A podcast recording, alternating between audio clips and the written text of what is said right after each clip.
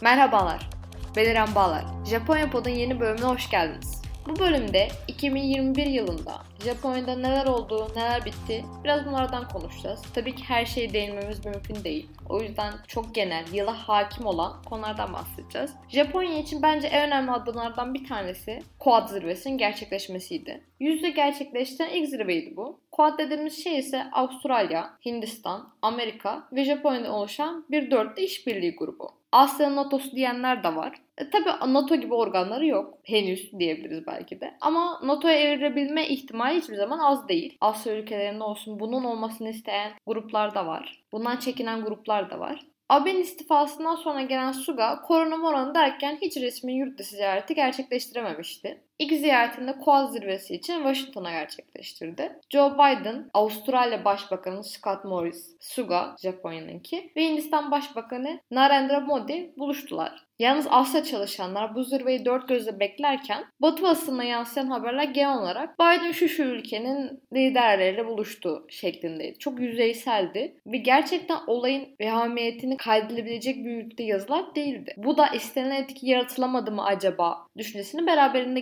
getiriyor. Türkiye'deki Afrika zirvesi gibi örnek vermek gerekirse dış medyada istenilen beklenilen etki yaratamadılar. Her sene bu zirvelerin yapılmasını planladıklarını açıkladılar. Joe Biden açıkladı daha doğrusu. İşte Afganistan'dan sonra neler ne olacak? İşte Afganistan'dan sonra ne olacak bu Pakistan ya dediler. Hindistan'daki başımızı iş mi alacağız? Çin Pakistan'ın en büyük ticaret odaklarından biri çünkü. Helikopter silah alışverişi olsun her açıdan. Bu da Quad ülkelerini tedirgin ediyor. Tedirginlik dediysek de %80'ini Hindistan oluşturuyor zaten. Geri kalanında işte Hindistan diyor ki ya Pakistan'da bir sıkıntı var. Buna bir bakalım diye. Diğer Quad ülkelerini de bu konuda teşvik etmeye çalışıyor. Çin konusunda olsun, Pakistan konusunda olsun. Tabii ki ana amaç işbirliğinden ziyade ABD'nin Asya'daki varlığını arttırabilmek. Quad'ı bir cümleyle bu şekilde özetleyebiliriz. Obama ve Clinton'ın elinden çıkan to Asia yani Asya'yı bir tık daha ön planına alan bir dış politika Trump'la beraber sekteye uğramıştı. Trump demişti ki ya Orta Doğu'da ne yapacağız? Asya'da ne yapacağız? Biz ülkeye geri dönelim. İşte ülkenin Meksika'ya duvar falan çekelim diye. Daha içe dönük politika izlemeye başlamıştı. Eleştirenler de olmuş tabi. Zaten RCAP yani Recep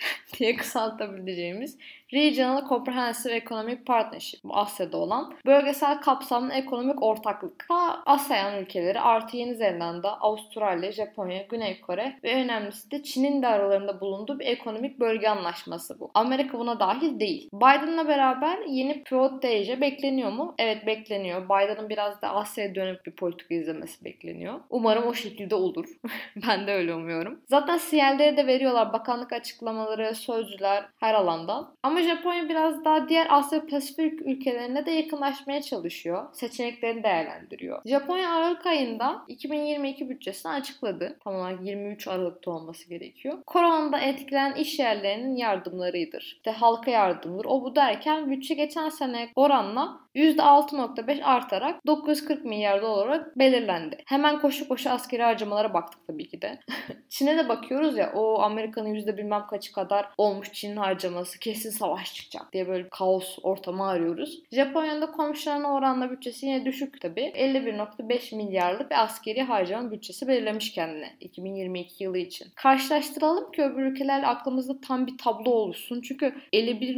milyar dolar deyince ya çok kafamın algılayamayacağı bir miktar canlanıyor gözümde. 2021 yılında ABD'nin askeri harcama bütçesi 778 milyarken Çin'in 252 milyardı. 51 milyar nerede? 278 milyar nerede? Tabi Japonya'nınkine Japonya'da ABD üstlerin harcamaları da dahil. Bunun anlaşmalar bunları da kapsıyor aralarındaki güvenlik anlaşması. Bu arada askeri harcamalar diyorum Japonya'nın bu askeri bütçesini ama Japonya bundan bahsederken askeri harcamalar değil savunma bütçesi olarak kullanıyor. Ya ordu morduları yok ya. Japonya öz savunma kuvvetleri var. Bakanlıkta savunma bakanlığı olarak geçiyor zaten aslında Bütçe Savunma Bakanlığı'nın yazı meclise sunduğu miktardan oldukça az. Ne yapacaklar bu kadar parayı diye düşünüyor olabilirsin. Çünkü Japonya'nın sıkıntılı bir konumu yok. Ülkelerle sürtüşmeleri yok. Bu kadar harcamayı nereye yapacak diye soracak olursak. Çin ve Tayvan sürtüşmelerinden dolayı Çin'in Tayvan üzerine bir hamle yaparsa diye tetikte olmak istiyor Japonlar. Var olan gemilerini uçak gemilerine dönüştürmeye çalışıyorlar. İşte yeni aldıkları F-35'lerle uyumlu gemiler inşa ediyorlar veya modifiye ediyorlar. Tabii insan F-35'e alınca böyle problemler oluyor. F-35'imiz olsa diye düşünmek yerine. Deniz üstünlüğünden mahrum kalmak istemiyorlar. Çünkü Çin'in Güney Denizi olsun, Malakka Boğazı gibi açık denizlerde güç kazanması büyük bir tehlike. Çin'in herhangi bir savaş durumuna geçmesi, Çin'in herhangi bir savaş durumuna geçmesi demek denizlerdeki ticaretin de aksaması demek. Japonya gibi dışa bağımlı bir ülke için intihar gibi bir şey bu. Hem yiyecek hem enerji anlamında. Körfez'deki ülkelerle arayı iyi tutmaya çalışıyorlar ama Çin de aynı şeyi yapmaya çalışıyor.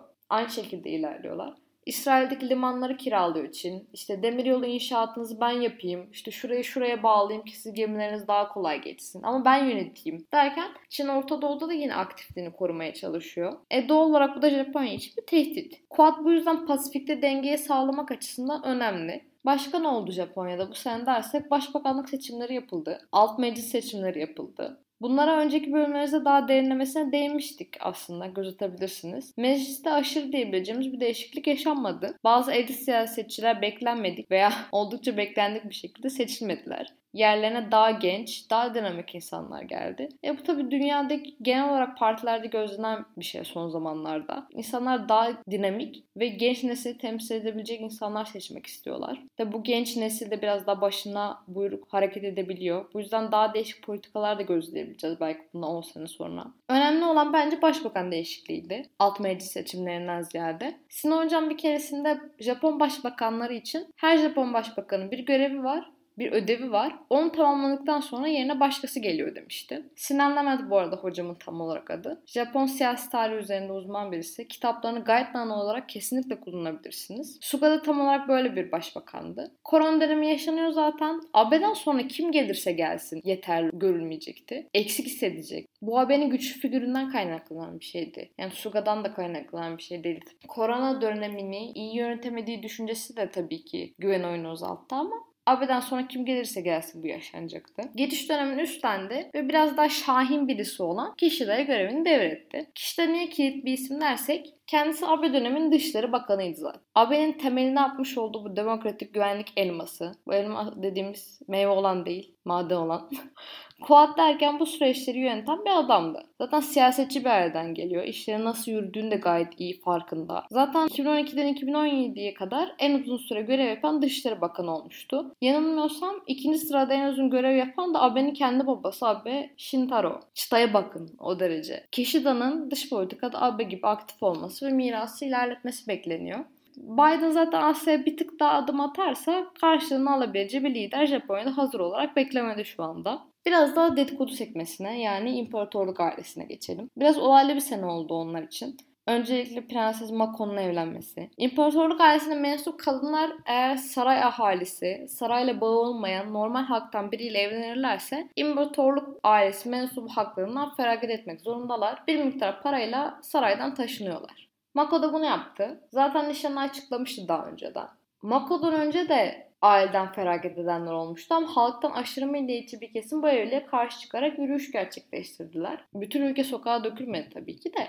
Bizim prensesimize bu adam yakışıyor mu diye bir düşünceyle yürüyüşlerde röportajları izlediyseniz görürsünüz. Prensesimize layık olmadığını düşünüyoruz bu adamın gibisinden. Çocuk aklına çıkan bazı dedikodular da buna neden oldu tabii ki. Annesi çocuğunun okul harcı için nişanlısından para almış da ödememiş derken bula bula bunu mu bul diye geldi olay biraz. Neyse gençler evlendiler. Amerika'ya taşındılar. Çocuk orada avukatlık yapacakmış. Az daha unuttuğumuz şeylerden, e, benim sürekli unuttuğum olimpiyatların bu sene Tokyo'da gerçekleşmiş olması.